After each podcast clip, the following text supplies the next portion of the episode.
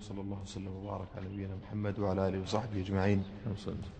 قال الشيخ عبد الرحمن بن حسن رحمه الله قال المصنف رحمه الله تعالى باب من الشرك أن يستغيث بغير الله أو يدعو غيره.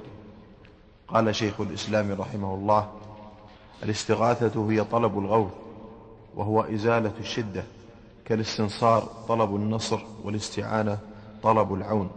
وقال غيره والاستعاذة طلب العود وهكذا. الهمزة والسين والتاء للطلب. الاستنصار والاستفهام طلب الفهم والاستنجاب طلب النجدة والاستعاذة طلب العود نعم. وقال غيره الفرق بين الاستغاثة والدعاء أن الاستغاثة لا تكون إلا من المكروب والدعاء عم من الاستغاثة لأنه يكون من المكروب وغيره فعطف الدعاء على الاستغاثة من عطف العام على الخاص. فبينهما عموم وخصوص مطلق يجتمعان في مادة وينفرد الدعاء عنها في مادة. يجتمعان في مادة الداعي المستغيث. الداعي في, الكربة يسمى مستغيث ويسمى داعي. وينفرد الدعاء في حالة الرخاء يسمى داعي ولا يسمى مستغيث. إذا دعا في حال الشدة والكربة يسمى داعي ويسمى مستغيث. وإذا دعا في حال الرخاء انفرد الدعاء يسمى داعي ولا يسمى مستغيث نعم. وقوله أو يدعو غيره اعلم أن الدعاء نوعان دعاء عبادة ودعاء مسألة ويراد به في القرآن هذا تارة وهذا تارة ويراد به مجموعهما. فدعاء المسألة هو طلب ما ينفع الداعي من جلب نفع أو كشف ضر ولهذا أنكر الله على من يدعو أحدا من دونه. ممن لا يملك ضرا ولا نفعا كقوله قل أتعبدون من دون الله ما لا يملك لكم ضرا ولا نفعا والله هو السميع العليم.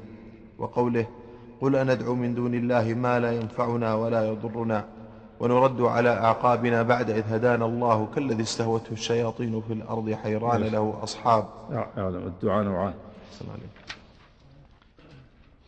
اعلم اعلم أن الدعاء نوعان دعاء عبادة ودعاء مسألة ويراد به في القرآن ويراد به في القرآن هذا كما سيأتي دعاء دعاء العبادة مثل الصلاة والصوم والزكاة والحج هذا دعاء عبادة.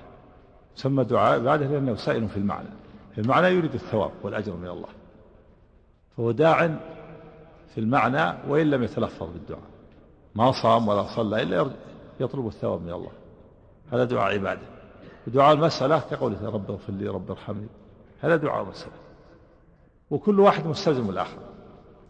فدعاء العبادة متضمن لدعاء المسألة. مستلزم لدعاء المسألة لأنها لأنه داعم في المعنى ودعاء المسألة متضمن لدعاء العبادة. لأن السائل اغفر لي رب ارحمني عابد لله هو عابد لله بهذا الدعاء. والعابد المصلي السائل سائل في المعنى فكل منهما عابد وسائل. نعم. ويراد به في القرآن هذا تارة وهذا تارة ويراد به مجموعهما. فدعاء المسألة هو طلب ما ينفع الداعي من جلب نفع أو كشف ضر. ولهذا أنكر الله على من يدعو أحدا من دونه ممن لا يملك ضرا ولا نفعا كقوله قل أتعبدون من دون الله ما لا يملك لكم ضرا ولا نفعا والله هو السميع العليم. وقوله قل أندعو من دون الله ما لا ينفعنا ولا يضرنا ونرد على أعقابنا بعد, بعد إذ هدانا الله. كالذي استهوته الشياطين في الأرض حيران له أصحاب يدعونه إلى الهدى ائتنا قل إن هدى الله هو الهدى وأمرنا لنسلم لرب العالمين. وقال ولا تدع من دون الله ما لا ينفعك ولا يضرك فإن فعلت فإنك إذا من الظالمين. قال شيخ الإسلام رحمه الله فكل دعاء عبادة مستلزم لدعاء, مسألة لدعاء المسألة. نعم مستلزم يعني يلزم منه. كل دعاء عبادة من المصلي والصائم يلزم منه أنه يدعو في المعنى لأنه يرجو دعم في المعنى لأنه سائل للثواب لأنه يطلب الثواب ويرجو الثواب. وكل دعاء عبادة مستلزم لدعاء المسألة. وكل دعاء مسألة متضمن لدعاء العبادة. يعني كل سائر رب اغفر لي رب ارحمني هو عابد. هو عابد في المعنى. عابد لله بهذا الدعاء. نعم. قال شيخ الإسلام رحمه الله وكل دعاء عبادة مستلزم لدعاء المسألة وكل دعاء مسألة متضمن لدعاء, لدعاء العبادة. قال الله تعالى ادعوا ربكم تضرعا وخفية إنه لا يحب المعتدين. وقال قل أرأيتكم إن أتاكم عذاب الله أو أتتكم الساعة؟ أغير الله تدعون إن كنتم صادقين بل إياه تدعون فيكشف ما تدعون إليه إن شاء وتنسون ما تشركون. وقال وأن المساجد لله فلا تدعوا مع الله أحدا. وقال له دعوة الحق والذين يدعون من دونه لا يستجيبون لهم بشيء إلا كباسط كفيه إلى الماء ليبلغ فاه وما هو ببالغه وما دعاء الكافرين إلا في ضلال. وأمثال هذا في القرآن في دعاء المسألة أكثر من أن يحصر وهو يتضمن دعاء وهو يتضمن دعاء العبادة لأن السائل أخلص سؤاله لله وذلك من أفضل العبادات وكذلك الذاكر لله. والتالي لكتابه ونحوه. طالب من الله في المعنى فيكون داعيا عابدا. فتبين بهذا قول شيخ الإسلام أن دعاء العبادة مستلزم لدعاء المسألة كما أن دعاء المسألة متضمن لدعاء العبادة. وقد قال تعالى عن خليله وأعتزلكم وما تدعون من دون الله وأدعو ربي عسى ألا أكون بدعاء ربي شقيا. فلما اعتزلهم وما يعبدون من دون الله وهبنا له إسحاق ويعقوب وكلا جعلنا نبيا. فسمى الدعاء عبادة. قالوا أدعو ربي ثم قال وأعتزلكم وما تعبدون من دون الله. قال وأدعو ربي. دعاء ثم قال وأعتزلكم وما تعبدون من الله. فسمى الدعاء عبادة. فدل على الدعاء عبادة. قال داعي رب عابد لله. فدعاء المسألة متضمن لدعاء العبادة. كما أن دعاء العبادة مستلزم لدعاء المسألة لأنه داع في المعنى وسائل في المعنى لأنه عبد الله يرجو الثواب والمغفرة. نعم. فصار الدعاء من أنواع العبادة فإن قوله وأدعو ربي عسى ألا أكون بدعاء ربي شقيا كقول زكريا رب إني وهن العظم مني واشتعل الرأس شيبا ولم أكن بدعائك رب شقيا. يعني السؤال ومع ذلك سماه دعاء في قوله وأعتزلكم وما تعبدون من دون الله. نعم. وقد أمر الله تعالى به في مواضع من كتابه. نعم وأعتزلكم وما تدعون. وأعتزلكم وما إيش؟ لا تعدوا ولا ما تعبدون. فلما اعتزلهم وما يعبدون. فلما اعتزلهم وما يعبدون نعم. قوله فلما اعتزلهم وما يعبدون. سمى الدعاء عبادة. واعتزلكم وما تدعون من دون الله لأنهم يدعوا غير الله ينادونه سماه دعاء. فلما اعتزلهم وما يعبدون. نعم.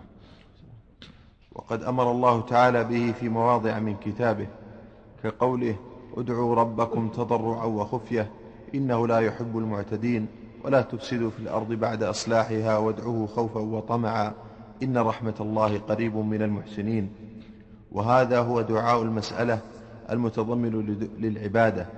فإن الداعي, فإن الداعي يرغب إلى المدعو ويخضع له ويتذلل وغير ذلك.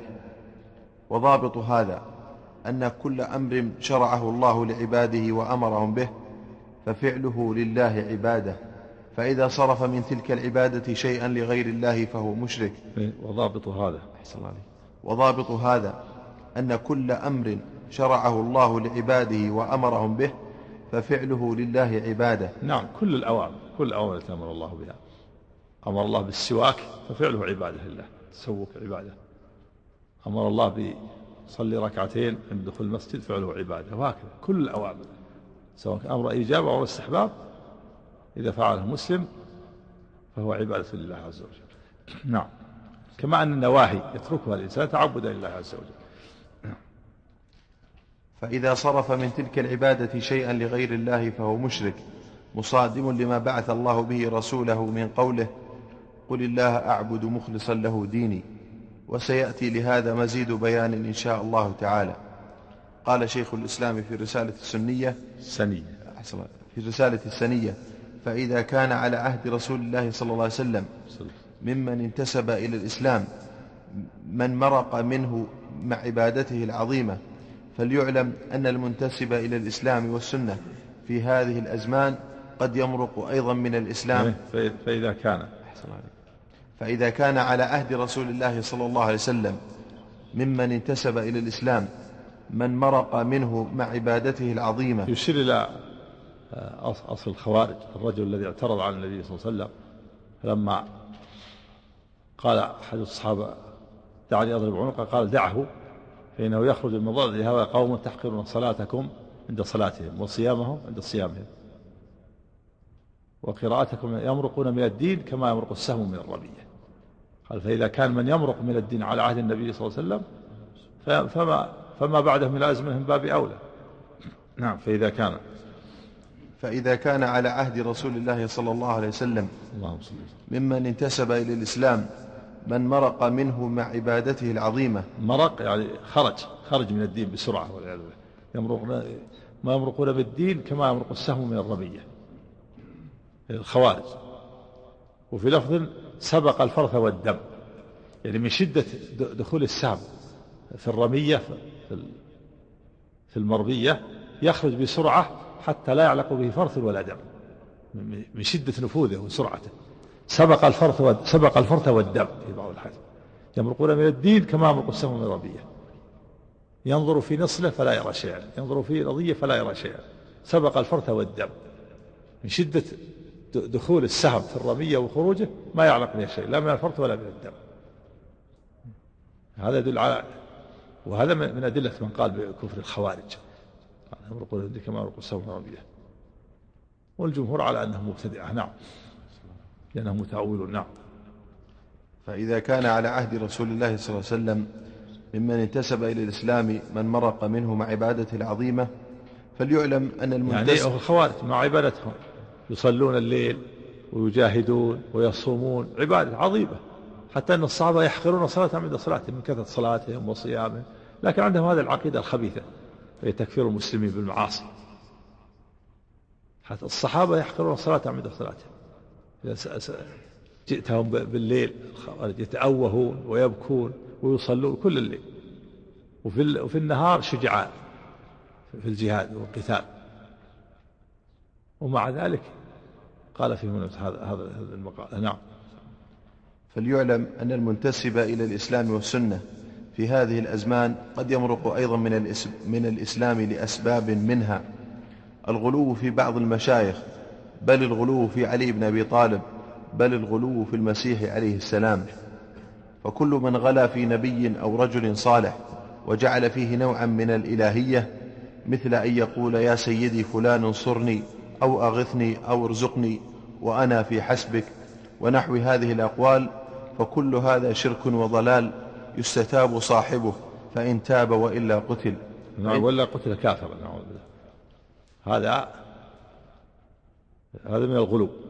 غلا فينا الغلو, الغلو الدين غلو. والله تعالى يقول يا أهل الكتاب لا تغلوا في دينكم. فالدين فمحبة محبة غلو فإذا أحب عليا وغلا فيه يعني جعله إلها فقد غلا في الدين. إذا غلا في في علي أو غلا في المسيح أو في غيره وجعل في نوع من الإلهية وناداه وقال يا فلان أغثني أو انصرني أو ارزقني أو أنا في حسبك وأنا في جوارك فقد أشرك بالله عز وجل. عبد غير الله. استتاب فإن تاب وإلا قتل كافرا نعوذ بالله. نعم. فإن الله سبحانه وتعالى إنما أرسل الرسل وأنزل الكتب ليعبد وحده لا شريك له ولا يدعى معه إله آخر. والذين يدعون مع الله آلهة أخرى مثل المسيح والملائكة والأصنام لم يكونوا يعتقدون أنها تخلق الخلائق أو تنزل المطر أو تنبت النبات وإنما كانوا يعبدونهم أو يعبدون قبورهم أو يعبدون صورهم يقولون ما نعبدهم إلا ليقربونا إلى الله زلفى. نعم ما يعتقدون أنها تخلق وترزق. هذا أقر به المشركون لكن يعتقدون أنها تقربهم وتنقل حوائجهم إلى الله وتشفع لهم عند الله. كما أخبر الله عنهم قالوا ما نعبدهم إلا ليقربونا إلى الله زلفى. قال سبحانه في الآية الأخرى ويعبدون من دون الله. ما لا يضرهم ولا ينفعهم ويقولون هؤلاء شفعاؤنا عند الله. فكفرهم الله بهذا يعني ما ما يشترط أن يعتقد أنها تخلق أو ترزق أو, أو تدبر أو تضر أو تنفع. لو اعتقد هذا لصار شركا في الربوبية أعظم. لكن إذا أقر بأن الله هو النافع الضار الخالق الرازق ودعا غير الله فقد أشرك بهذا الدعاء. نعم. ويقولون هؤلاء شفعاؤنا عند الله فبعث الله سبحانه رسله تنهى أن يدعى أحد من دونه. لا دعاء عبادة ولا دعاء استعانة. انتهى. وقال أيضا من جعل بينه وبين الله وصائر يتوكل عليهم ويدعوهم ويتوكل يتوكل عليهم ويدعوهم ويسألهم كفر إجماعا. نقله عنه صاحب الفروع وصاحب الإنصاف وصاحب الإقناع وغيرهم. وذكر في مسألة الوسائط. نعم من جعل بينه وبين الله وسائط. واسطة يدعوه أو يتوكل عليه أو يسأله النصر على الأعداء أو يطلب منه الرزق فقد كفر إجماعا. نعم. وذكره في مسألة الوسائط ونقلته منه في الرد على ابن جرجيس.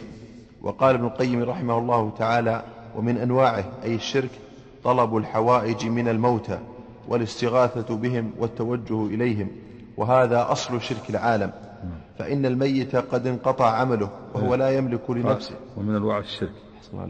ومن أنواعه أي الشرك طلب الحوائج من الموتى. أي حاجة يطلبها الميت؟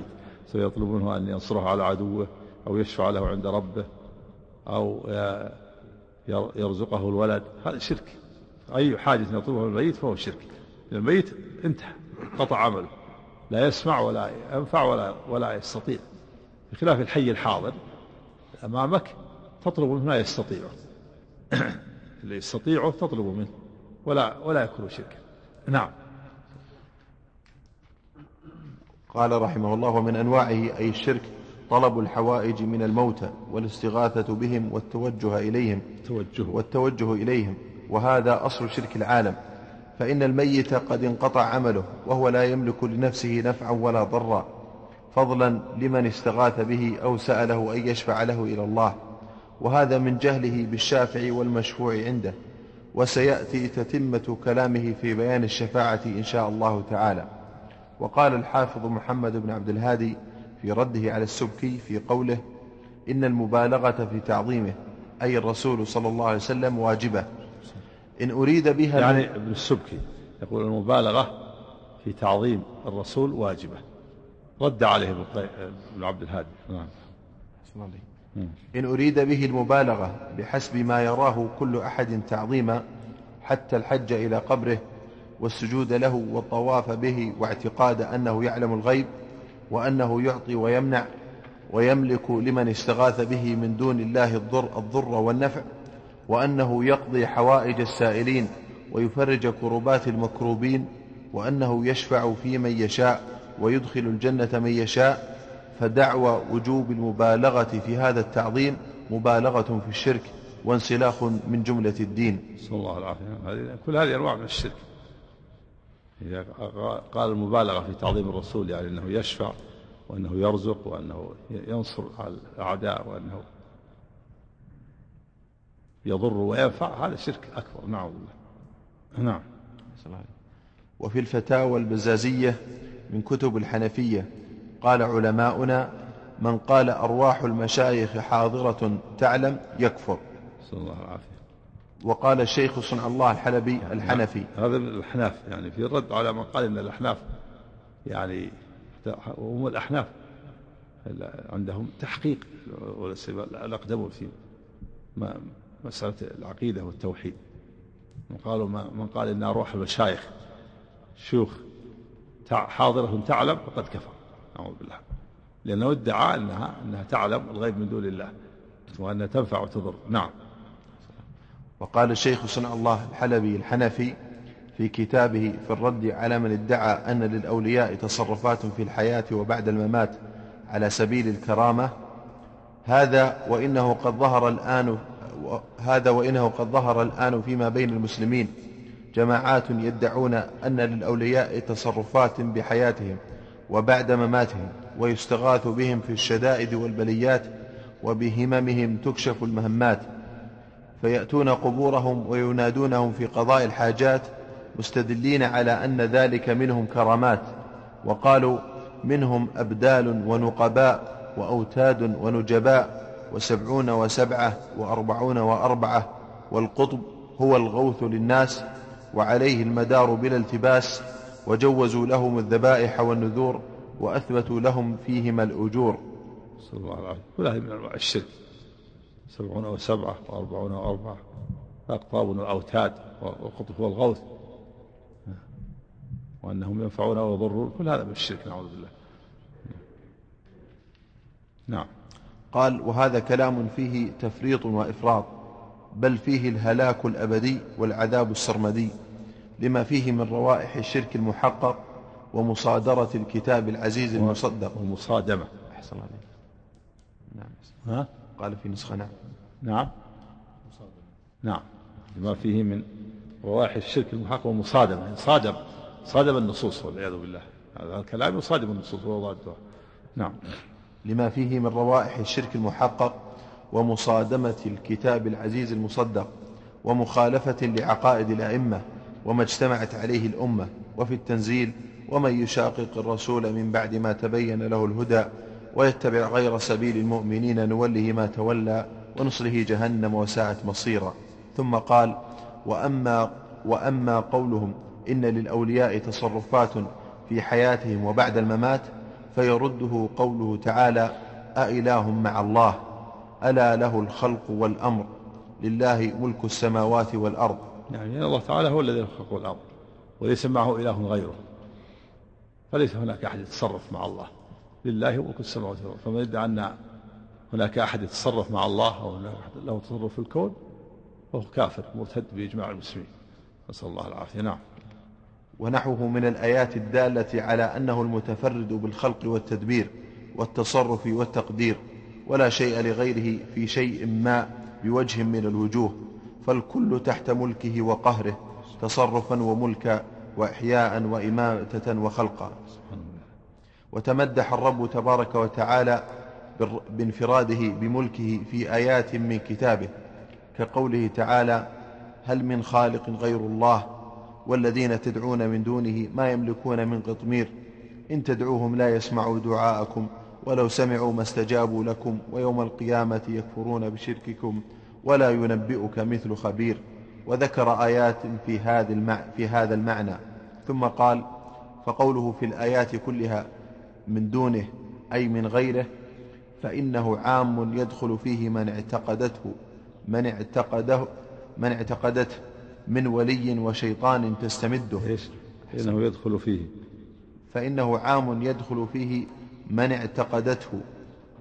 ها؟ من, من اعتقدته. نعم. فإنه عام يدخل فيه من اعتقدته من ولي وشيطان تستمده. فإن من لم يقدر على نصر نفسه كيف يمد غيره؟ نعم. إلى أن الغائب لا يقدر على نصر نفسه. كيف ينصر غيره؟ والذين لا يستطيعون نصركم ولا أنفسهم ينصرون. نعم. إلى أن قال إن هذا القول وخيم وشرك عظيم. إلى أن قال وأما القول بالتصرف بعد الممات فهو أشنع وأبدع من القول بالتصرف في الحياة. قال جل ذكره إنك ميت وإنهم ميتون. الله يتوفى الأنفس حين موتها والتي لم تمت في منامها فيمسك التي قضى عليها الموت ويرسل الأخرى إلى أجل مسمى.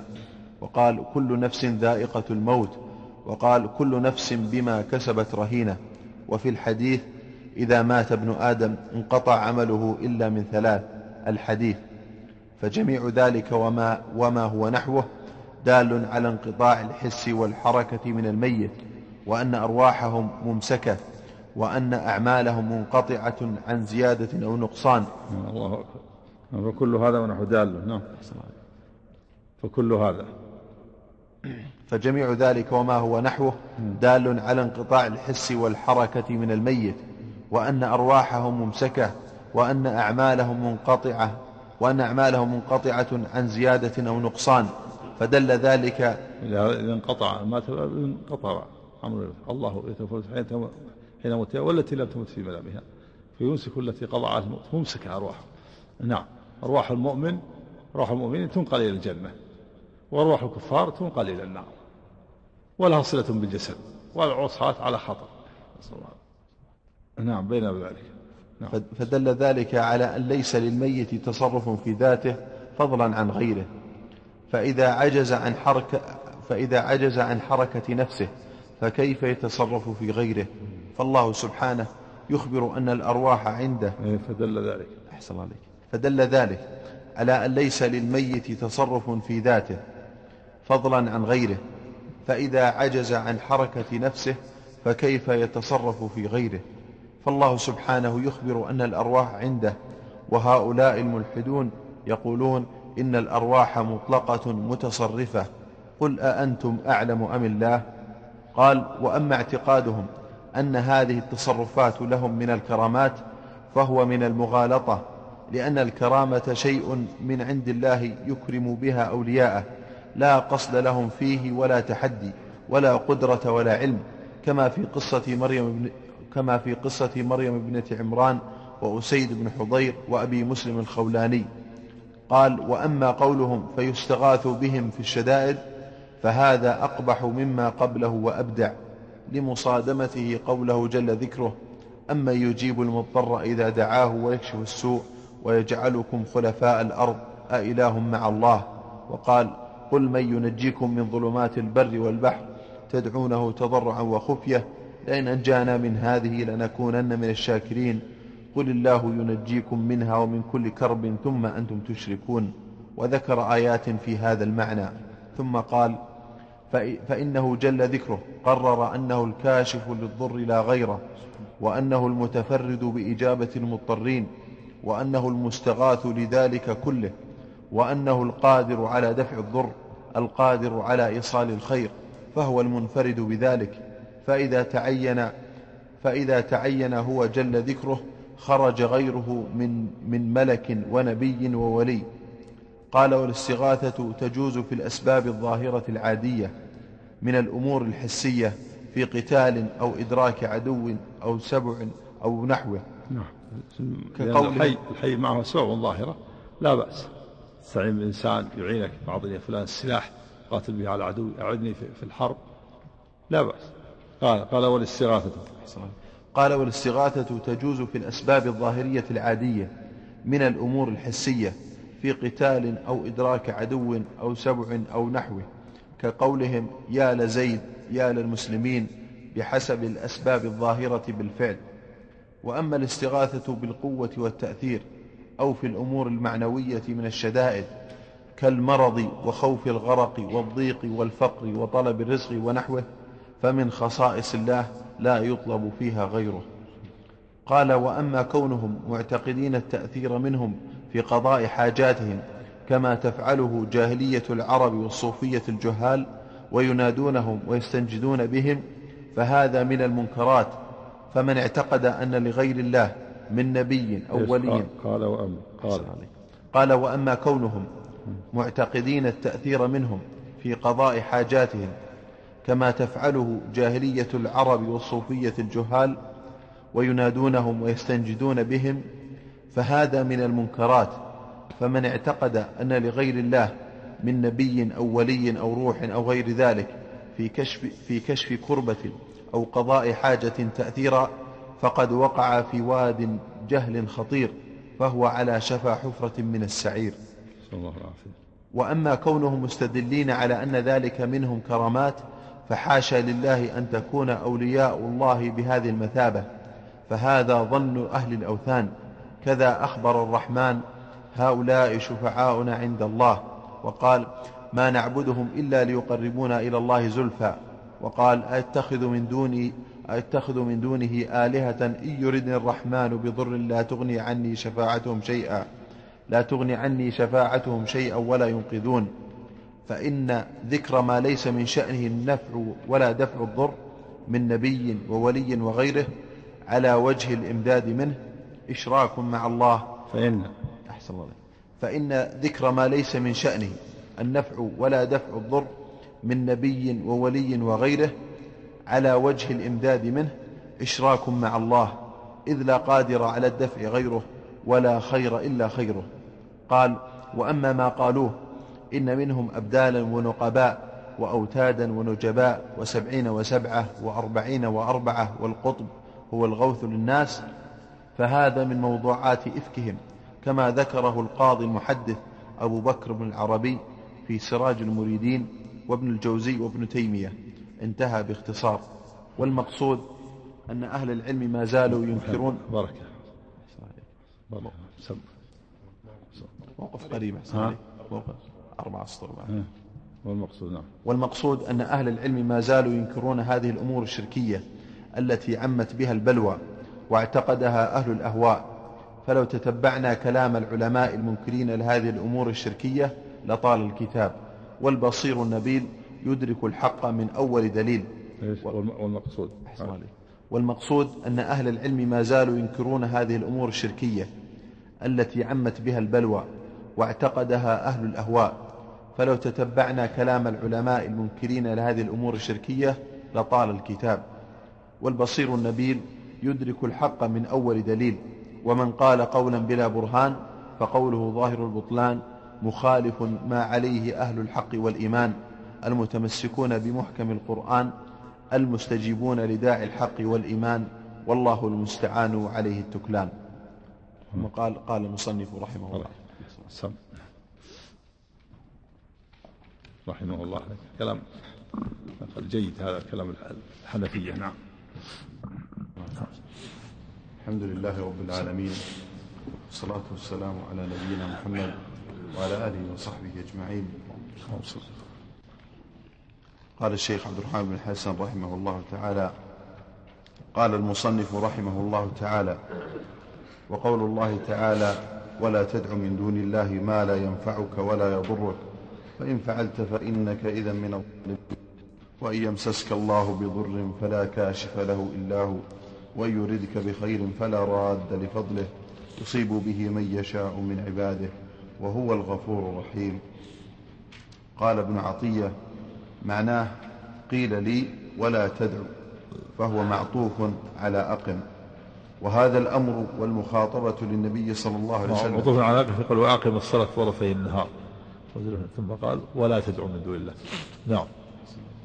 وهذا الأمر والمخاطبة للنبي صلى الله عليه وسلم. إذا كانت هكذا فأحرى أن يتحرز من ذلك غيره. والخطاب خرج مخرج الخصوص وهو عام للأمة. نعم. والرسول عليه الصلاة والسلام معصوم من الشرك عليه الصلاة والسلام. كما وجه إلى الخطاب في قوله تعالى لئن أشركت لا يحبطن عملك ولا تكونن لئن أشركت لا يحبطن ولا تكونن من الخاسرين. وهو معصوم عليه الصلاة والسلام من الشرك. لكن وجه الخطاب لبيان عظم مقدار الشرك وأنه أمر عظيم. لو وقع من النبي صلى الله عليه وسلم وإن كان معصوم لحبط عمله لكنه معصوم عليه الصلاة والسلام. نعم. قال أبو جعفر بن جرير رحمه الله في هذه الآية يقول تعالى ذكره ولا تدعو يا محمد من دون معبودك وخالقك شيئا من دون معبودك وخالقك شيئا لا ينفعك في الدنيا ولا في الآخرة ولا يضرك في دين ولا دنيا. يعني بذلك الآلهة والأصنام. يقول لا تعبدها راجيا نفعها أو خائفا ضرها فإنها لا تنفع ولا تضر. فإن فعلت ذلك فدعوتها من دون الله فإنك إذا من الظالمين. يقول من المشركين بالله. قلت وهذه الآية لها نظائر. كقوله فلا تدع مع الله إلها آخر فتكون من المعذبين وقوله ولا تدع مع الله إلها آخر لا إله إلا هو. ففي هذه الآيات بيان أن كل, أن أن كل مدعو يكون إلها والإلهية حق لله لا يصلح منها شيء لغيره لا يصلح منها شيء لغيره. ولهذا قال لا إله إلا هو كما قال تعالى ذلك بأن الله هو الحق وأن ما يدعون من دونه هو الباطل وأن الله هو العلي الكبير. وهذا هو التوحيد الذي بعث الله به رسله وأنزل به كتبه كما قال تعالى وما أمروا إلا ليعبدوا الله مخلصين له الدين والدين كل ما يدان الله به من العبادات الباطنة والظاهرة. وفسره ابن جرير في تفسيره بالدعاء وهو فرد من أفراد العبادة. والدين. أحسن الله والدين كل ما يدان الله به من العبادات الباطنة والظاهرة. وفسره ابن جرير في تفسيره بالدعاء وهو فرد من أفراد العبادة على عادة السلف في التفسير يفسرون الآية ببعض أفراد معناها. نعم الدين كلمة مشتركة. تأتي بمعنى الجزاء والحساب مثل مالك يوم الدين. وتأتي بمعنى العبادة. قوله تعالى وما أمروا إلا ليعبدوا الله مخلصين له الدين يعني له العبادة. وتأتي بمعنى الدعاء يقول فادعوا الله مخلصين له الدين يعني له الدعاء. ويعرف هذا من السياق هي كلمة مشتركة. مالك يوم الدين عن الجزاء والحساب. نعم. وما أدرك ما يوم الدين ثم ما أدرك ما يوم الدين يوم الجزاء والحساب. نعم. فمن صرف منها شيئا بقدر وما أمروا إلا يعبد الله مخلصا له الدين يعني له العبادة مخلصا له الدين يعني مخلصا له العبادة. نعم.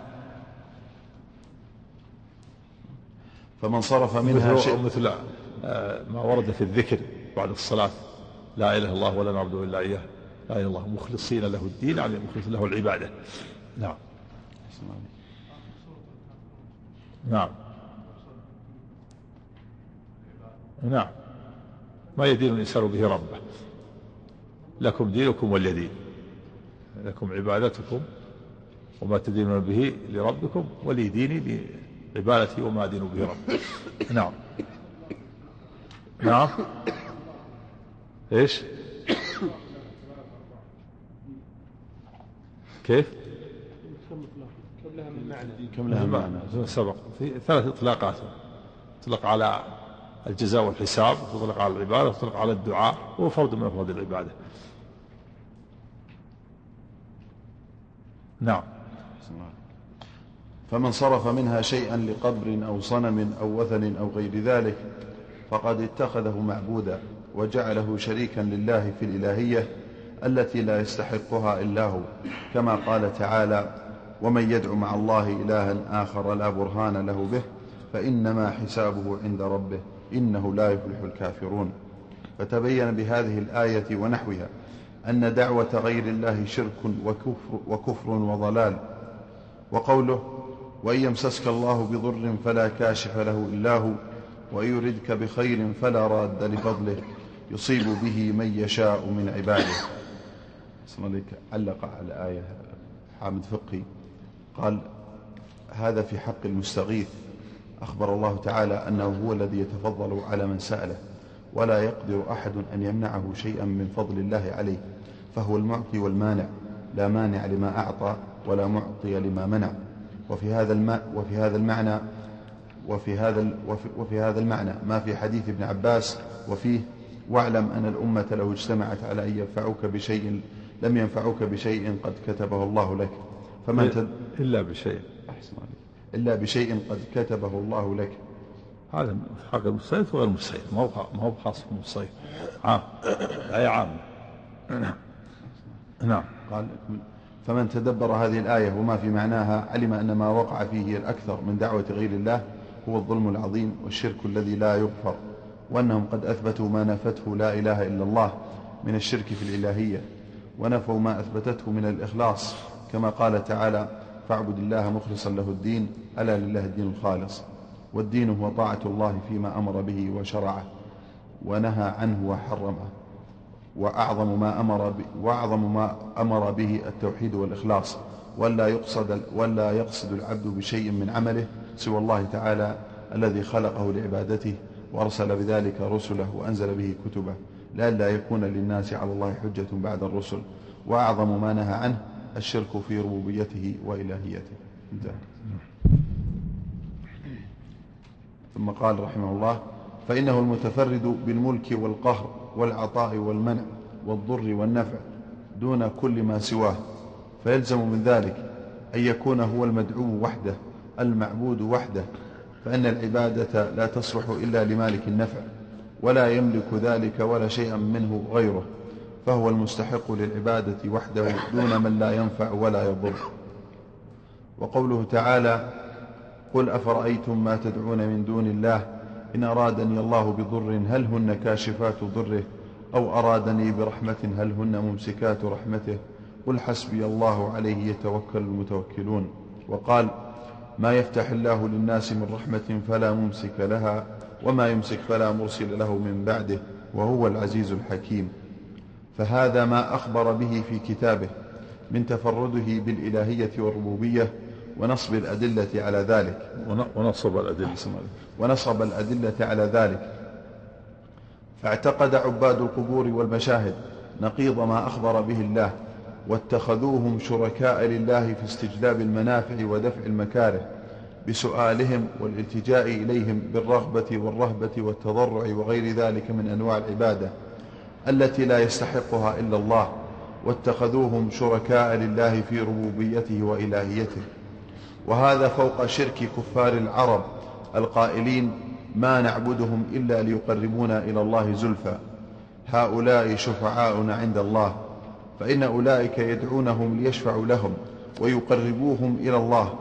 وكانوا يقولون في تلبيتهم لبيك لا شريك لك إلا شريكا هو لك تملكه وما ملك. وأما هؤلاء, وأما هؤلاء المشركون فاعتقدوا في أهل القبور وفي المشاهد ما هو أعظم من ذلك؟ فجعلوا لهم نصيبا من التصرف والتدبير وجعلوهم معاذا لهم وملاذا في الرغبات والرهبات. سبحان الله عما يشركون. يعني أشركوا في الربوبية. ففاق المتأخرون شرك المتقدمين. المتقدمين أشركوا في الألوهية وهؤلاء أشركوا في الربوبية. سواء جعلهم جعلوا آلهتهم يتصرفون في الكون. مثل ما قال الخميني في كتابه إن لأئمتنا مقاما لا يصل إليه ملك مقرب ولا نبي مرسل وأثبت أنه يتصرفون في الكون. أعوذ بالله. ووقعوا في شرك الربوبية الذي الذي ما وصل إليه شرك كفار قريش. نعم نسأل الله العافية. نعم. وقوله وهو الغفور الرحيم أي لمن تاب إليه. ثم قال المصنف رحمه الله تعالى وقوله فابتغوا عند الله الرزق واعبدوه واشكروا له إليه ترجعون. يأمر عباده بابتغاء الرزق عنده وحده دون ما سواه. ممن لا يملك لهم رزقا ممن لا يملك لهم رزقا من السماوات والأرض شيئا. فتقديم الظرف يفيد الاختصاص. يعني فخصه سبحانه بابتغاء الرزق فابتغوا عند الله. ولم يقل فابتغوا الرزق عند الله قدم الظرف يفيد الاختصاص. فخصه سبحانه بابتغاء الرزق. قد يكون رزق علم نافع قد يكون عملا صالح زوجة صالحة ومالا حلالا كل هذا من ابتغاء الرزق. نعم. اطلبوا الرزق من عند الله. خصوا الله بطلب الرزق ولا تطلبوه من غيره. نعم. قوله واعبدوه من عطف العام على الخاص فإن ابتغاء الرزق عنده من العبادة التي أمر الله بها التي أمر فإن ابتغاء الرزق فإن ابتغاء الرزق عنده من العبادة التي أمر بها. من فضلك اقلب الشريط.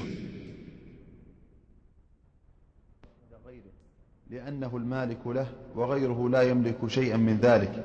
واعبدوه أي أخلصوا له العبادة وحده لا شريك له.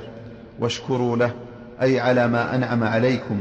إليه ترجعون أي يوم القيامة فيجازي كل عامل بعمله. قال المصنف رحمه الله تعالى وقوله ومن أضل ممن يدعو من دون الله من لا يستجيب له إلى يوم القيامة وهم عن دعائهم غافلون وإذا حشر الناس كانوا لهم أعداء وكانوا بعبادتهم كافرين. فنفى سبحانه أن يكون أحد أضل ممن يدعو غيره وأخبر أنه لا يستجيب له ما طلب منه إلى يوم القيامة. وهذا الاستفهام بمعنى النفي. والمعنى لا أحد أضل. ومن أضل استفهام بمعنى النفي لا أحد أضل من ممن هذه حاله. مما يدعو من دون الله من لا يستجيب له. لأن الميت مشغول بنفسه. هو لا يستجيب. ومشغول بنفسه لا الميت انقطع عمله وبلت عظامه صارت ترابا ولا يدري. فكيف تدعوه وهو لا يدري؟ وكذلك من دعا ملكا أو جنيا فإنه غائب. ولا يستجيب له ولا يمكن أن يجيب طلبه. وإذا حشر الناس كانوا لهم أعداء عادوه وتبرأوا منهم. فكيف يدعو العاقل غير الله؟ وهذه حاله. كل من دعا من غير الله كل مدعو دون الله هذه أوصافه. لا يستجيب له إلى يوم القيامة وهو غافل عن دعائه وإذا حشر الناس كان له عدوا وكان كافرا بعبادته إياه. نعم. بدعة. أسألك بجاه النبي أو بحق النبي هذا من البدع الوسيلة بدعة. نعم. أو بذاته كلها من البدع. يقول أسألك بجاه نبيك أو بحق فلان أو بذات بفلان هذا من البدع لأنه وسيلة. أما لو سأل النبي صلى الله عليه وسلم أو صار شرك. نعم. والآية تعم كل من من يدعى من دون الله. كما قال تعالى قل ادعوا الذين زعمتم من دونه فلا يملكون كشف الضر عنكم ولا تحويلا. وفي هذه الآية أخبر أنه لا يستجيب وفي هذه الآية أخبر, أخبر أنه لا يستجيب وأنه غافل عن داعيه. وإذا حشر الناس كانوا لهم أعداء وكانوا بعبادتهم كافرين. فتناولت الآية كل داع وكل مدعو من دون الله. قال أبو جعفر بن جرير في قوله وإذا حشر الناس كانوا لهم أعداء يقول تعالى ذكره وإذا جمع الناس ليوم القيامة في موقف الحساب كانت هذه الآلهة التي يدعونها في الدنيا لهم أعداء لأنهم يتبرؤون منهم وكانوا بعبادتهم كافرين. يقول تعالى ذكره وكانت آلهتهم التي يعبدونها في الدنيا بعبادتهم جاحدين لأنهم يقولون يوم القيامة ما كانت وكانت. وكانت آلهتهم التي آلهتهم التي يعبدونها في الدنيا لعبادتهم جاحدين. نعم. وقال في نسخة بعبادتهم جاحدين. نعم. يعني يجحدون عبادتهم. إذا عشر الناس تبرؤوا منهم وجحدوا عبادتهم أنكروها. نعم. قال ثم عبدتم عبدتم الشيطان الذي أمركم بذلك. نعم. لأنهم يقولون يوم القيامة ما أمرنا بعبادتنا ولا شعرنا بعبادتهم إيانا تبرأنا إليك منهم يا ربنا. كما قال تعالى ويوم يحشرهم وما يعبدون من دون الله فيقول وأنتم أضللتم عبادي هؤلاء أم هم ضلوا السبيل؟ قالوا سبحانك ما كان ينبغي لنا أن نتخذ من دونك من أولياء. ولكن متعتهم وآباءهم حتى نسوا الذكر وكانوا قوما بورا. قال ابن جرير رحمه الله ويوم يحشرهم وما يعبدون من دون الله من الملائكة والإنس والجن. وساق بسنده عن مجاهد قال عيسى وعزير والملائكة. ثم قال يقول تعالى ذكره قالت الملائكة الذين كان هؤلاء المشركون يعبدونهم من دون الله وعيسى.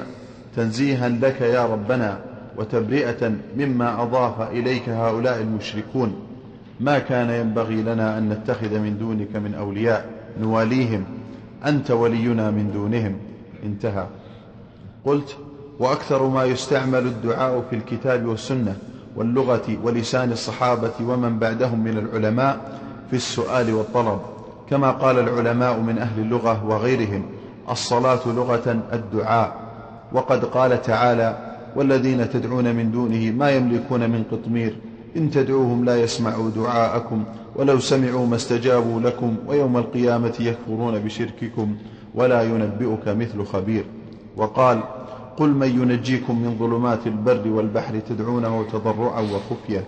وقال وإذا مس الإنسان الضر دعانا لجنبه أو قاعدا أو قائما. وقال وإذا مسه الشر فذو دعاء عريض. وقال لا يسأم الإنسان من دعاء الخير وإن مسه الشر فيئوس قنوط. وقال إذ تستغيثون ربكم فاستجاب لكم. وفي حديث أنس مرفوعا الدعاء مخ العبادة.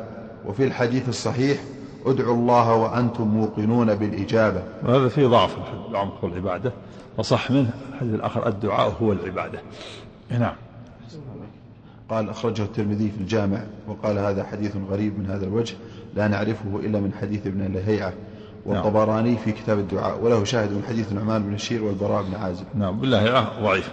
المعروف نعم.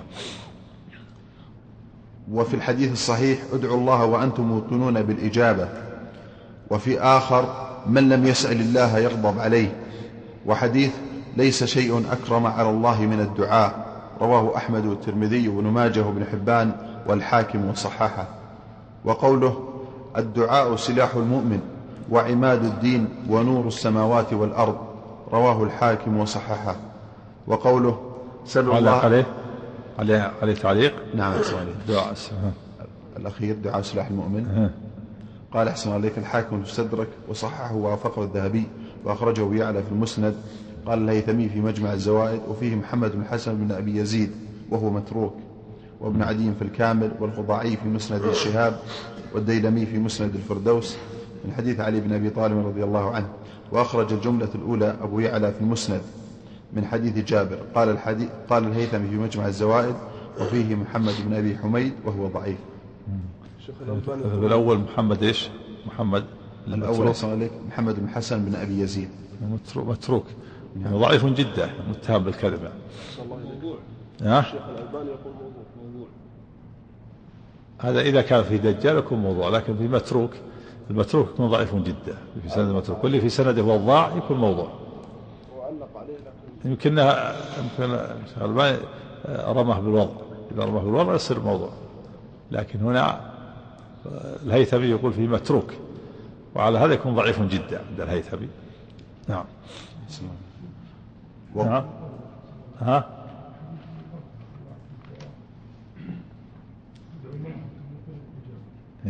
ما أدري عن سنة تتكلم عليه.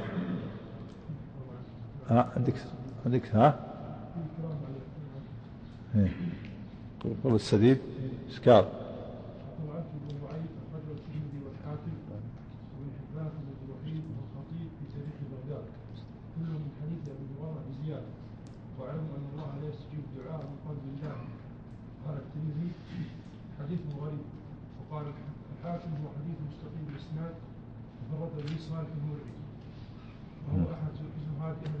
صالح المري ضعيف.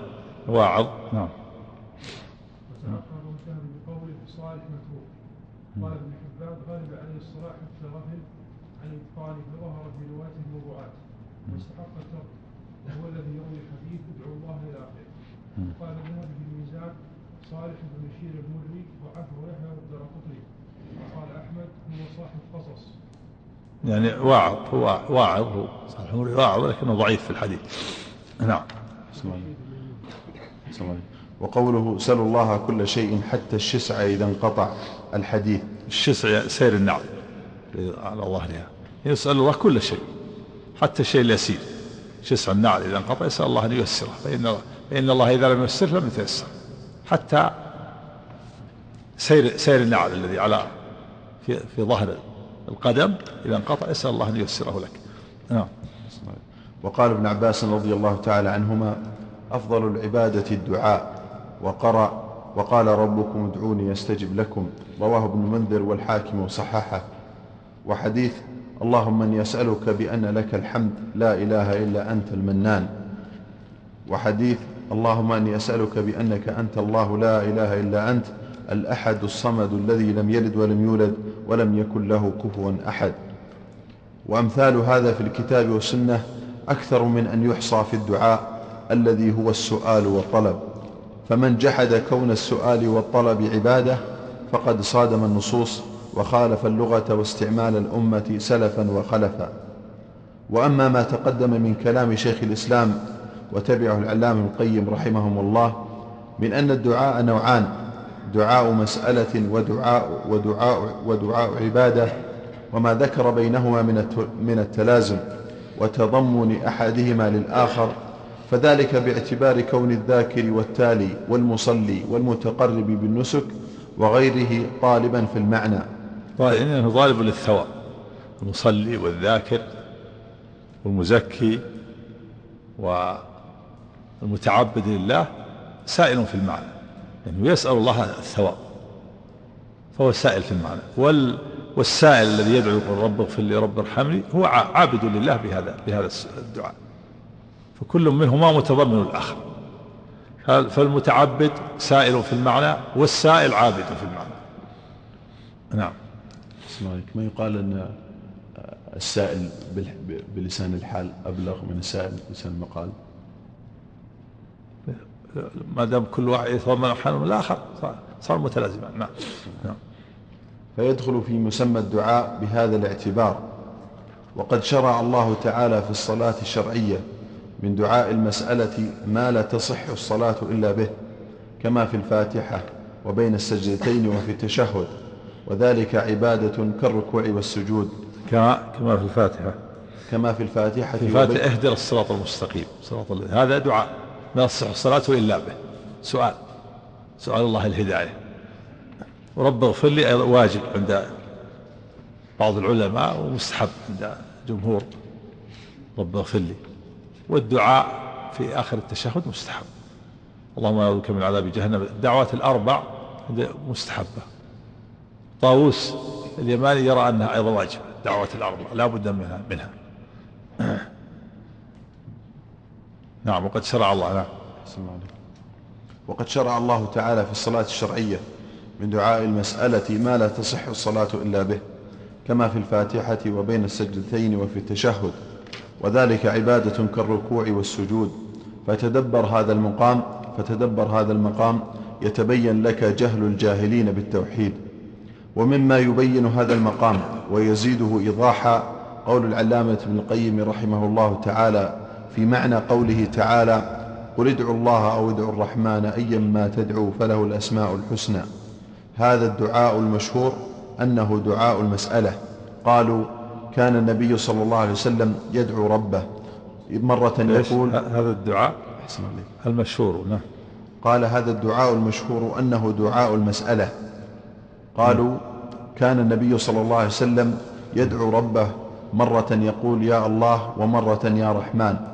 فظن المشركون أنه يدعو إلهين فأنزل الله هذه الآية ذكر هذا عن ابن عباس رضي الله عنهما وقيل إن الدعاء هنا بمعنى التسمية والمعنى أي اسم سميتموه به من أسماء الله تعالى إما الله وإما الرحمن فله الأسماء الحسنى.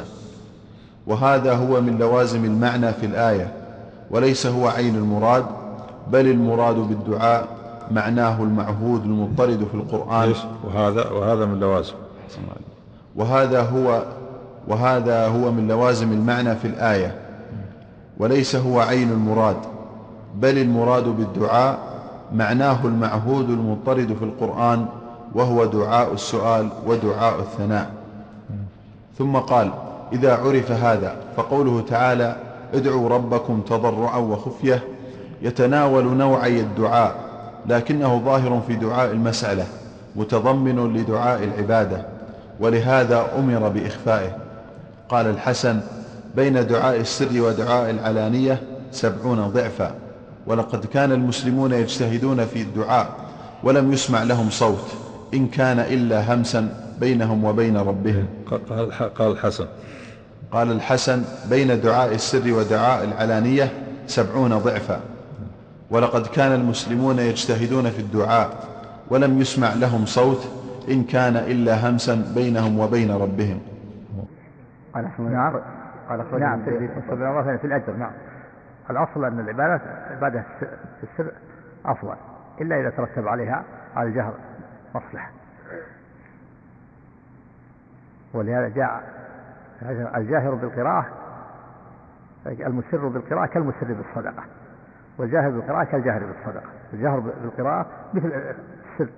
الصدقة السر والصدقة العلانية. والقراءة في السر والقراءة في العلانية. إلا إذا ترتب على هذا مصلحة كي يقتدى به في الصدقة فلا بأس. كما قال سبحانه إن تبدوا الصدقات فنعم ما هي. وإن تخفوها وتؤتوها الفقراء فهو خير لكم. ويكفر عنكم سيئاتهم. وكذلك الجهر إذا كان من حوله يستمع ويستفيد هنا ترتب عليه مصلحة. نعم. هذا الأصل الأصل هكذا من هذا. السر مقدم إلا ما شرع فيه الجهر. من صلاة الجماعة صلاة التراويح مشروع فيها العلاني هذا. نعم. نعم. وقوله وإذا سألك عبادي عني فإني قريب أجيب دعوة الداعي إذا دعان. يتناول نوعي الدعاء وبكل منهما فسرت الآية. قيل أعطيه إذا سألني وقيل أثيبه إذا عبدني. ها إيش وقوله وقوله وإذا سألك عبادي عني فإني قريب أجيب دعوة الداعي إذا دعان. يتناول نوعي الدعاء وبكل منهما فسرت الآية. قيل قيل أعطيه إذا سألني. وقيل أثيبه إذا عبدني. نعم وإذا سألك عبادي يعني إذا سأل يعني دعا. فإني قد أجيب يعني أجيب دعوته. وعلى قول إذا سألك عبدك عباد فإني أجيبه يعني أجيبه نعم. وليس هذا من استعمال اللفظ في حقيقته ومجازه بل هذا استعماله في حقيقته الواحدة المتضمنة للأمرين جميعا. وهذا يأتي في مسألة الصلاة وأنها هل نقلت عن مسماها في اللغة وصارت حقيقة شرعية أو استعملت في هذه العبادة مجازا للعلاقة بينها وبين المسمى اللغوي أو هي باقية على الوضع اللغوي وضم إليها أركان وشرائع. وعلى ما قررناه لا حاجة إلى شيء من ذلك. فإن المصلي من أول صلاته إلى آخرها لا ينفك عن دعاء إما دعاء عبادة إما دعاء عبادة وثناء أو دعاء طلب ومسألة وهو في الحالين داع انتهى من البدائع. نعم الدعاء سواء في اللغة الدعاء والصلاة الشرعية دعاء وزيادة دعاء وثناء كل الصلاة دعاء دعاء عبادة ودعاء مسألة على هذا باقية. بعضهم يقول إنها نقلت بعضهم يقول زيد عليها. لكن على هذا التقليد تكون صلاة دعاء في اللغة وفي الشرع فهي دعاء. دعاء دعاء مسألة ودعاء عبادة. فما بين دعاء اهدنا الصراط المستقيم رب اغفر لي هذا دعاء مسألة والذكر والثناء دعاء عبادة. متضمن لدعاء المسألة. فتكون الصلاة كلها دعاء. دعاء عبادة ودعاء مسألة. عبادة. العبادة هي الدعاء. نعم. قال المصنف رحمه الله تعالى وقوله أمن يجيب المضطر إذا دعاه ويكشف الصلاة بسم الله الرحمن الرحيم. الحمد لله رب العالمين وصلى الله وسلم وبارك على نبينا محمد وعلى آله وصحبه أجمعين. قال الشيخ عبد بن حسن رحمه الله تعالى قال المصنف رحمه الله تعالى وقوله أمن يجيب المضطر إذا دعاه ويكشف السوء ويجعلكم خلفاء الأرض أإله مع الله. قال يبين تعالى أن المشركين من العرب ونحوهم قد علموا أنه لا يجيب المضطر ويكشف السوء إلا الله وحده. إلا الله. إلا الله وحده. فذكر ذلك سبحانه محتجا عليهم في اتخاذهم الشفعاء من دونه. ولهذا قال أإله مع الله يعني يفعل ذلك. فإذا كانت آلهتهم لا تجيبهم في حال الاضطرار فلا تصلح أن يجعلوها شركاء لله الذي يجيب المضطر إذا دعاه ويكشف السوء وحده. وهذا أصح ما فسرت به الآية كسابقتها من قوله أمن خلق السماوات والأرض وأنزل لكم من السماء ماء فأنبتنا به حدائق ذات بهجة. ما كان لكم أن تنبتوا شجرها؟ أإله مع الله؟ بل هم قوم يعدلون. أمن جعل الأرض قرارا وجعل خلالها أنهارا وجعل لها رواسي وجعل بين البحرين حاجزا. أإله مع الله بل أكثرهم لا يعلمون. ولاحقها إلى قوله أمن يهديكم في ظلمات البر والبحر ومن يرسل الرياح بشرا بين يدي رحمته. أإله مع الله تعالى الله عما يشركون. أمن يبدأ الخلق ثم يعيده. ومن يرزقكم من السماء والأرض؟ أإله مع الله. قل هاتوا برهانكم إن كنتم صادقين. فتأمل هذه وهذا مما احتج به سبحانه وتعالى عليهم. فإنه احتج عليهم بما يقرون به على ما ينكرونه. هم يقرون بتوحيد الربوبية. يقرون بأن الله هو الخالق الرازق المدبر المحيي المميت. وينكرون إفراده بالعبادة. احتج عليهم بهذا على هذا. فكما أنكم تقولون أنه هو الخالق الرازق المدبر المحيي المميت فاعبده وحده وصفه بالعبادة. فالمتفرد بالخلق والرزق والإماتة والإحياء هو الذي ينبغي أن يفرد بالعبادة فجعل توحيد الربوبية إقرارهم بتوحيد الربوبية دليلا على وجوب إفراده بالألوهية. احتج عليهم بهذا احتج عليهم بما يقرون على ما ينكرون. وهذا كثيرا ما احتجوا به سبحانه وتعالى. ولهذا في هذه السورة وهي سورة النمل احتج عليهم قال أما خلق السماوات والأرض وأنزل لكم من السماء ماء. فأنبتنا به حدائق ذات بهجة. ما كان لكم أن تنبتوا الشجرة؟ هذا الذي يقرون به. ثم قال آئله مع الله. أما. أما أإله مع الله قليلا قليلا أما يهديكم في ظلمات البر والبحر ومن يرسل الرياح بشرا بين رحمته. أإله مع الله تعالى الله عما يشركون. أما يجيب المضطر إذا دعاه ويكشف السوء ويجعلكم خلفاء الأرض أإله مع الله قليلا ما تذكرون. أمن يبدأ الخلق ثم يعيده ومن يرزقكم من السماء والأرض إله مع الله. فالأول يقرون به والثاني ينكرونه. فج عليهم بهذا على هذا. فج عليهم بما يقرون به من إفراد الله بالربوبية على ما ينكرونه وهو إفراد الله بالعبادة. نعم. فتأمل هذه الآيات يتبين لك أن الله تعالى يتبين. الله عليك فتأمل يتبين. نعم. فتأمل هذه الآيات يتبين لك أن الله تعالى احتج على المشركين بما أقروا به على ما جحدوه من قصر العبادة جميعها عليه كما في فاتحة الكتاب إياك نعبد وإياك نستعين. قال أبو جعفر بن جرير قوله أمن يجيب المضطر إذا دعاه ويكشف السوء ويجعلكم خلفاء الأرض أإله مع الله قليلا ما تذكرون. يقول تعالى ذكره أما تشركون بالله خير أم الذي يجيب المضطر إذا دعاه ويكشف السوء؟ أما أما تشركون. يقول, يقول تعالى ذكره أم ما تشركون بالله خير أم الذي يجيب المضطر إذا دعاه ويكشف السوء النازل ويكشف السوء النازل به عنه؟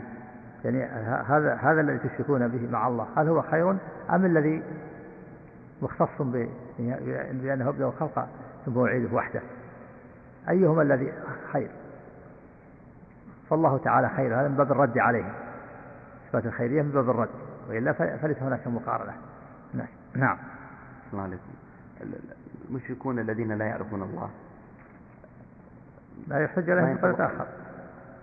يحتج عليهم مثل ما احتج عليهم في آخر سورة آه، ياسين وضرب لنا مثلا ونسي خلقه.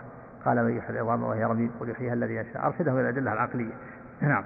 الله عليك. في قوله فإذا ركبوا في الفلك بعض المشركين الآن قد لا يخلص له الدعاء حتى في حال الاضطراب. نعم هذا كما بين الشيخ رحمه الله. قال إن مشركي زماننا أغلب الشرك من الأولين. من جهتين من جهة أن الأولين يشركون في الرخاء ويخلصون في الشدة. فإذا ركبوا في الوقت دعوا الله مخلصين وإذا مسكون ظل ما تدعون إليه وهؤلاء يشركون في زماننا يشركون في الشدة وفي الرخاء بل يزيدون في الشدة بالهجم بالمعبود. يا علي يا إذا صبت تلاطوت منهم الأموال قال يا علي يا علي يا حسين يا حسين. اشتد. الجهة الثانية أن المشركين إنما أشركوا عبدوا أشجارا وأحجارا تسبح الله أو عبدوا صالحين واقتصروا على هذا. أما المتأخرون فزادوا عليك فعبدوا كفارا وفساقا. وإن كان كلهم مشركين لكن هؤلاء أشد وأغرب. فزادوا على الأولين بأن عبدوا كفارا وفساقا. الأولين ما تجربوا يعبدوا كفارا وفساقا. إما يعبدون الصالحين أو أنبياء أو ملائكة أو أشجارا وأحجارا تسبح الله. فزاد عليهم المتأخرون عبدوا مع ذلك كفارا وفساقا نعم إيه. بمعنى يا ويح يا ويح يعني توجه نعم ها؟ إذا دعوا في حال الشدة دعوا أولياءهم ها؟ كيف؟ إذا دعوا في الشدة هؤلاء في هذه الزمن إذا دعوا في الشدة أولياءهم جابوا لهم في بعض الأحوال في هذا من باب الابتلاء والامتحان. قد يجاب دعوة الكافر الدعاء ليس خاصا إجابة الدعاء ليس خاصا بالمؤمن لأن هذا من خصائص الربوبية. كما أن الله يرزق المؤمن والكافر ويعافي المؤمن والكافر قد يجيب دعاء المضطر ولو كان كافرا. فيجاب لأجل الضرورة التي أصابته لا, لا لأجل كونه يعبد غير الله. ولهذا قد يأتي إنسان مضطر عند قبر ويدعو عند قبر فيجاب من أجل الضرورة وصدق اللجأ إلى الله. فيأتي آخر فيظن أنه أنه إنما أجيب الدعوة لأنه دعا عند القبر. فيكون هذا فتنة له فيدعو عند القبر فيقول أن الدعاء عند القبر مستجاب. هذا قد يجاب لضرورة لكن الفرق بين المؤمن والكافر إن الكافر قد يكون فتنة في حقه إذا أجيبت دعوته وابتلاء وامتحان استدراج نعم. وقوله ويجعلكم خلفاء الأرض يقول يستخلف بعد أمواتكم في الأرض منكم خلفاء أحياء يخلفونهم إيش يستخلف يستخلف بعد أمواتكم في الأرض منكم خلفاء أحياء يخلفونهم وقوله أإله مع الله يقول أإله سواه يفعل هذه الأشياء بكم وينعم عليكم هذه النعم. وقوله قليلا ما تذكرون يقول تذكرا قليلا من عظمة الله وأياديه عندكم.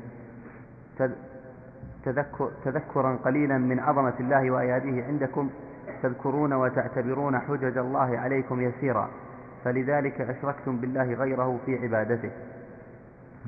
قال المصنف رحمه الله تعالى إيش تذكرون تذكرون تذكرا قليلا. قال تذكرا قليلا من عظمة الله وأياديه عندكم. تذكرون وتعتبرون حجج الله عليكم يسيرا فلذلك أشركتم بالله غيره في عبادته. نعم. تذكر قليل نعم.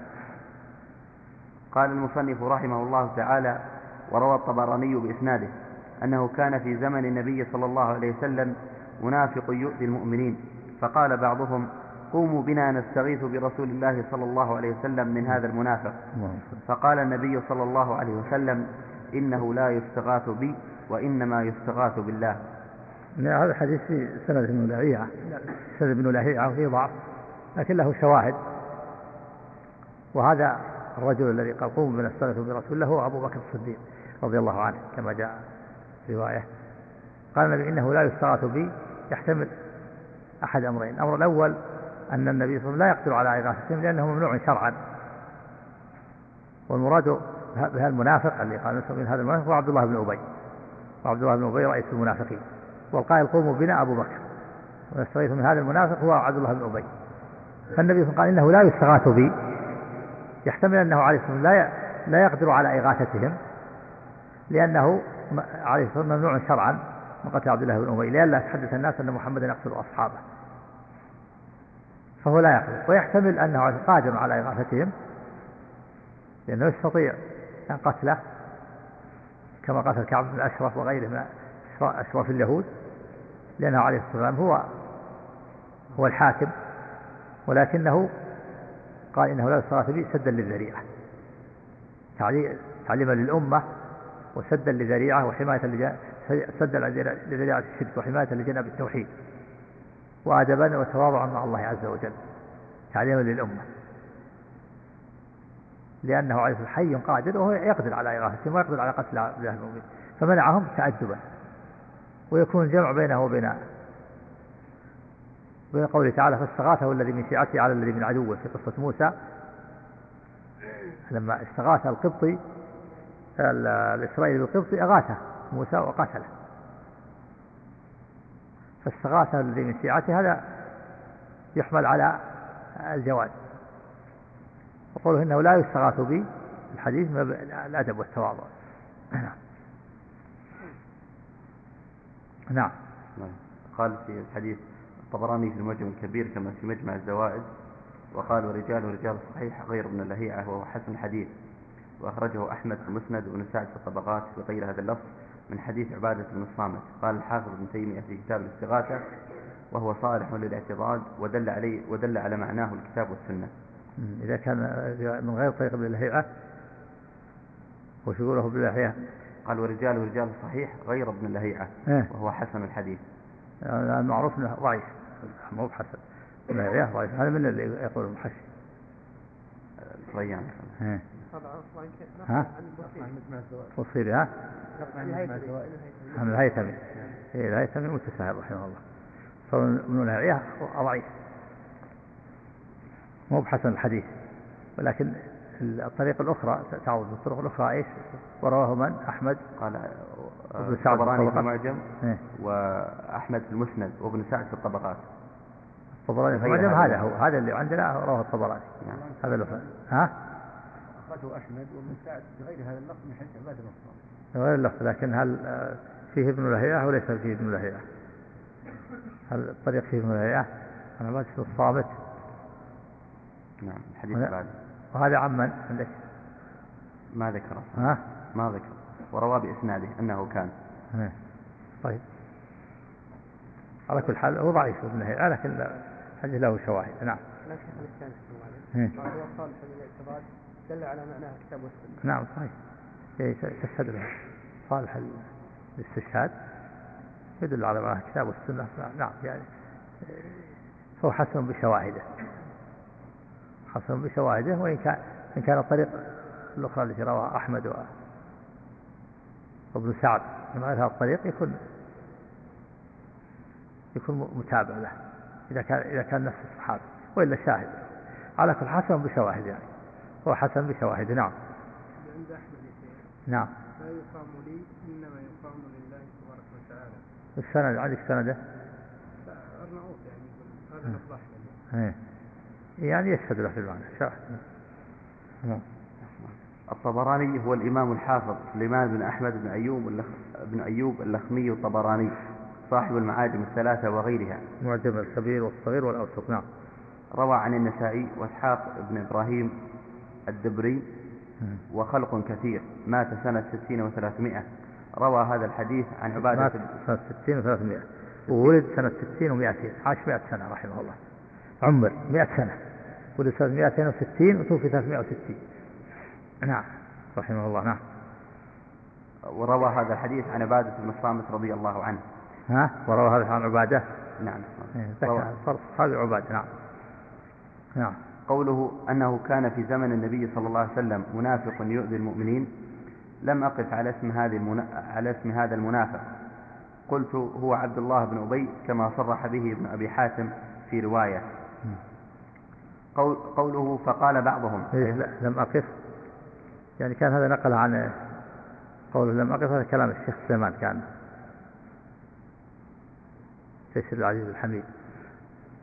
قلت هذا الشيخ عبد الرحمن بن حسن. نعم. قال قوله فقال بعضهم أي الصحابة رضي الله عنهم هو أبو بكر رضي الله عنه.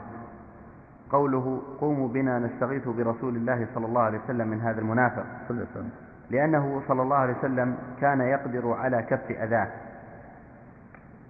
حاشا وليس. قال الفقي في قرة العيون فلعله أراد أن النبي صلى الله عليه وسلم كان يترك المنافقين أن يفعل بهم ما يستحقونه مخافة أن ي- أن يفتتن بعض المؤمنين من قبيلة منافق وفي السنة ما يدل على ذلك كما فعل مع ابن أبي أبي وغيره.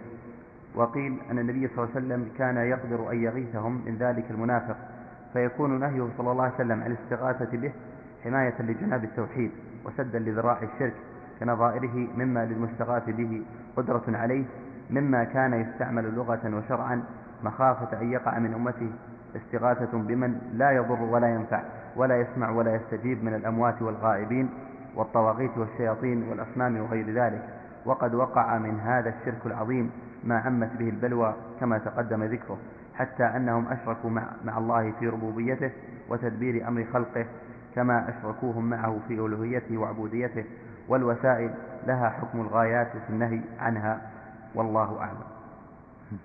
نعم. قوله إنه لا يستغاث بي وإنما يستغاث بالله فيه النص على أنه لا يستغاث بالنبي صلى الله عليه وسلم ولا من دونه.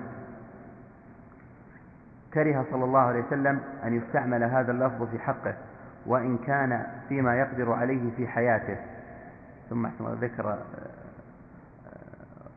الحاشية قال الحافظ ابن تيمية في كتاب الاستغاثة وظاهر هذا اللفظ إن صح يقتضي أنه لم يكن قادرا على دفع ضرر ذلك المنافق وأنه أمرهم أن يستغيثوا فيه بالله تعالى. وقال ولا يلزم تخطئة أبي بكر الصديق فإن الصديق قد يعتقد عند النبي صلى الله عليه وسلم في دفع ذلك المنافق بعض الأمور التي يقدر عليها البشر. فبين له النبي صلى الله عليه وسلم أنه ليس عنده في دفع في دفع أنه ليس عنده في دفعه حيلة بل يستغاث بالله في أمره. مو شرعا؟ ها؟ شيخ في كلامه إيه. أنه لا يستطيع غير شرعا. إيش يقول؟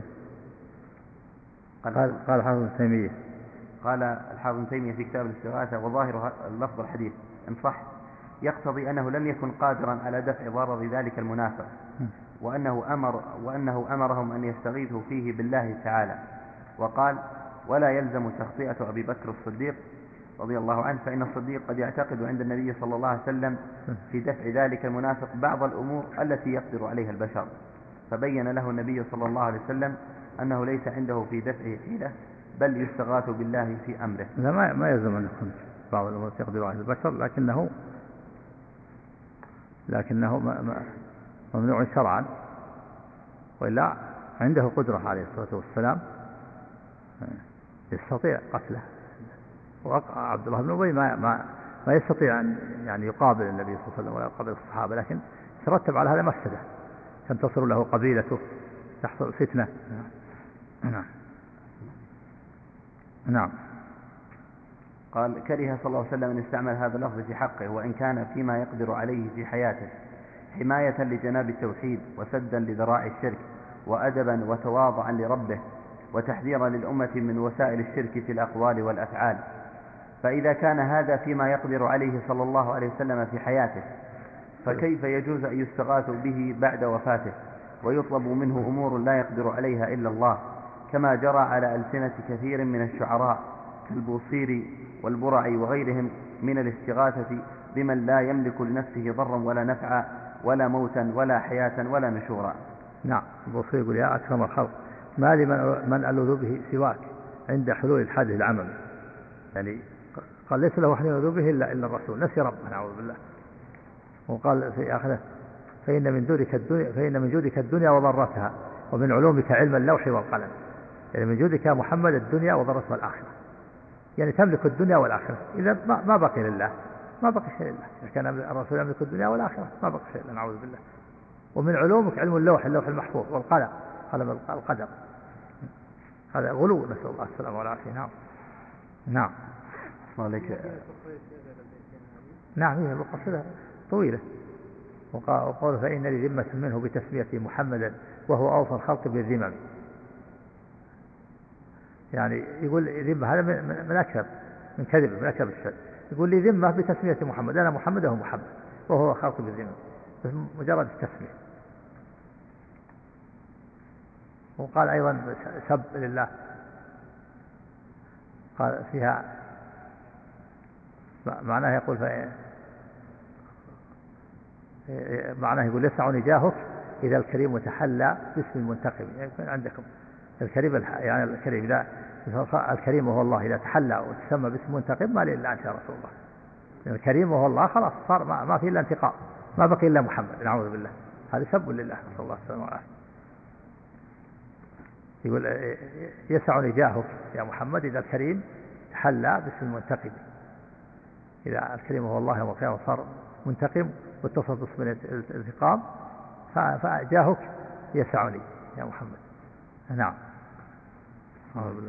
في كلام شيخ الإسلام يقول في كتب ورسائل وكتاب ابن تيمية في العقيدة قال فصل وإذا تبين ما أمر الله به ورسوله وما نهى الله عنه ورسوله في حق أشرف الخلق وأكرمهم على الله عز وجل وسيد ولد آدم وخاتم الرسل والنبيين وأفضل الأولين والآخرين وأرفع الشفعاء منزلة وأعظمهم جاها عند الله تبارك وتعالى تبين أن من دونه من الأنبياء والصالحين أولى بأن لا يشرك به ولا يتخذ قبره وثنا يعبد ولا يدعى من دون الله لا في حياته ولا في مماته ولا يجوز لأحد أن يستغيث بأحد من المشايخ الغائبين ولا الميتين مثل أن يقول يا سيدي فلانا أغثني وانصرني وادفع عني أو أنا في حسبك ونحو ذلك بل كل هذا من الشرك الذي حرم الله ورسوله وتحريمه مما يعلم بالاضطرار من دين الإسلام وهؤلاء المستغيثون بالغائبين والميتين عند قبورهم وغير قبورهم لما كانوا من جنس عباد الأوثان صار الشيطان يضلهم ويغو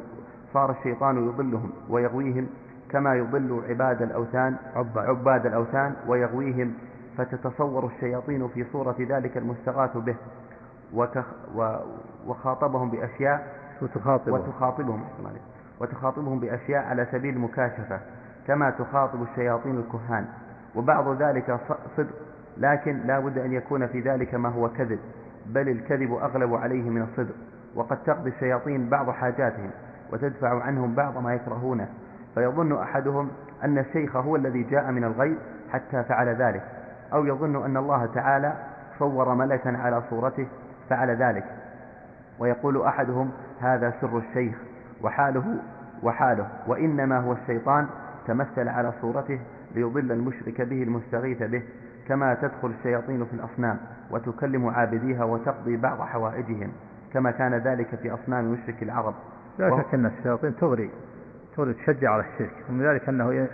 أن عباد القبور ينشق القبر عن رجل في صورة الميت ويأتي ويصافحه ويحث على الشرك هو شيطان. قد يتمثل يأتي قال الشيخ الإسلام أنه ذكر لي أنه أنهم رأوني في مكان كذا أو في بلد كذا وأنا ما ذهبت إلى البلدة. وإنما الشيطان الشيطان تمثل به. هذا معروف.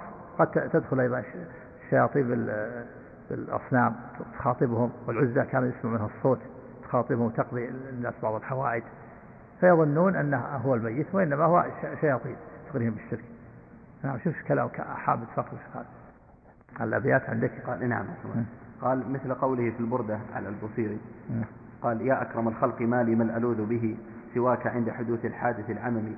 ويزعمون أن البوصيري أعظم من مدح النبي صلى الله عليه وسلم ويذكرونه أكثر مما يذكرون حسان بن ثابت وغيره من الصحابة رضي الله عنهم لأنهم في زعمهم لم يبلغوا من الغلو والإطراء ما بلغ البوصيري وهذا هو الغلو الذي جر إلى وهذا هو الغلو الذي جر إلى الشرك والكفر برسول الله صلى الله عليه وسلم كما كفرت النصارى بعيسى بن مريم عليه السلام من طريق هذا الغلو وقد حذرنا الله منه في كتابه الكريم بقوله يا أهل الكتاب لا تغلوا في دينكم ولا تقولوا على الله إلا الحق. وحذرنا النبي صلى الله عليه وسلم فيما رواه البخاري ومسلم لا تطروني كما أطرت النصارى عيسى بن مريم فأنا عبد الله ورسوله صلى الله عليه وسلم. وإنما تعظيمه صلى الله عليه وسلم وحبه باتباع سنته وإقامة ملته ودفع كل ما يلصقه الجاهلون بها من الخرافات. فقد ترك أكثر الناس فقد ترك أكثر الناس هذا. وشغلوا بهذا الغلو والإطراء الذي أوقعهم في هذا الشرك العظيم. ونحمد الله أن عافانا بفضله وجعلنا مؤمنين برسول الله صلى الله عليه وسلم معظمين له ومحبين بما يحبه الله ورسوله. ومعظمين ومحبين بما يحبه الله ورسوله لنا على مثل على مثل ما كان عليه الصحابة والتابعون لهم بإحسان. وقد عظمت المصيبة بهذا وقد عظمت المصيبة بهذا الشرك. حتى اتخذ أعداء الرسول الزاحم الزاحمون جهلا وكذبا الزاعمون جهلا وكذبا حبه. هذه البردة وردا كال وردا. وردا كالقرآن. يعني البردة بعض الناس يجعلها مثل ورد يقرأ صباح ومساء وهي شرك. يا أكرم الخلق ما لي من ألوذ به سواك. عند حلول الحادث العمل. بعض الإذاعات يجعلونها ابتهال يقول ابتهل يجعلونها ابتهالات في بعض الإذاعات يقول ابتهال. يسمعوا هذا الابتهال ثم يأتي بالبردة يا أكرم ويتغنى بها نعوذ بالله. يتغنى بالشرك ويبتهل بالشرك نعوذ بالله. نعم. حتى اتخذ أعداء الرسول الزاعمون جهلا وكذبا حبه هذه البردة وردا كالقرآن وأعظم من القرآن وكتبوها مجودة بماء الذهب كما كتبوا القرآن وربما اشتدت عنايتهم بها أكثر من القرآن فلا حول ولا قوة إلا بالله. نعم وشاهد هذا حافظ الفقي شاهد هذا في مصر عنده. صلى العافية نعم. ما يروى عن الإمام أحمد؟ قال يا عباد الله احبسوا حينما يحدث. ها؟ حينما سار في طريق لا في حديث في حديث. يا عباد الله احبسوا إذا انفلتت دابة أحدكم فليقل يا عباد الله احبسوا لكن حديث ضعيف.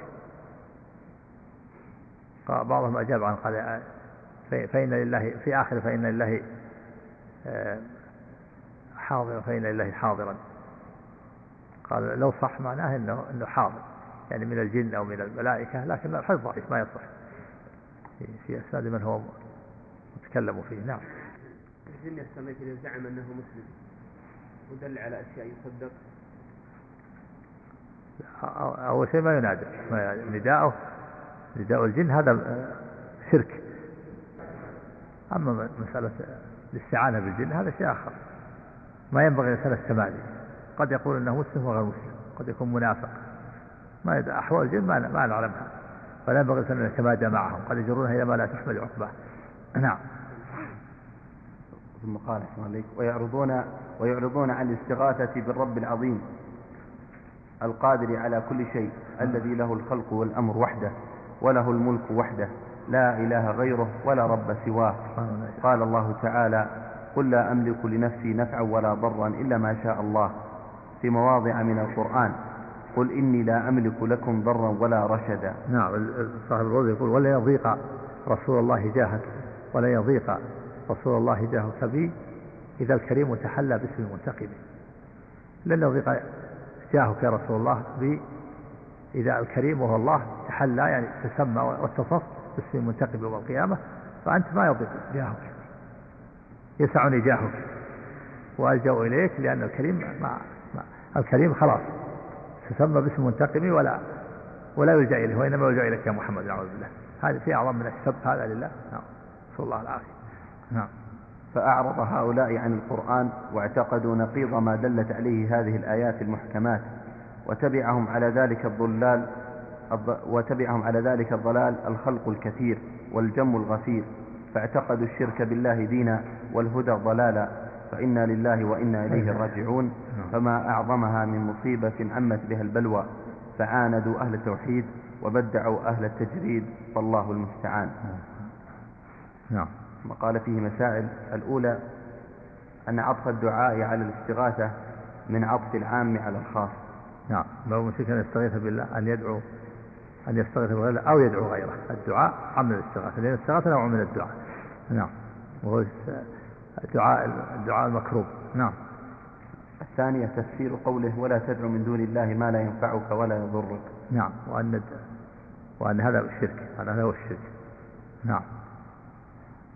الثالثة أن هذا هو الشرك الأكبر. نعم. الرابعة أن أصلح الناس لو يفعله إرضاء لغيره صار من الظالمين. من قول فإن فعلت فإنك من الظالمين. هذا خطاب الظالمين وهذا المشركين. وهذا وكان خطاب للرسول إلا وهو معصوم من الشرك إلا أنه إلا أن المراد بيان عظم عظم الشرك. نعم. الخامسة تفسير الآية التي بعدها. ويقول تفبتوا عند الله الرزق.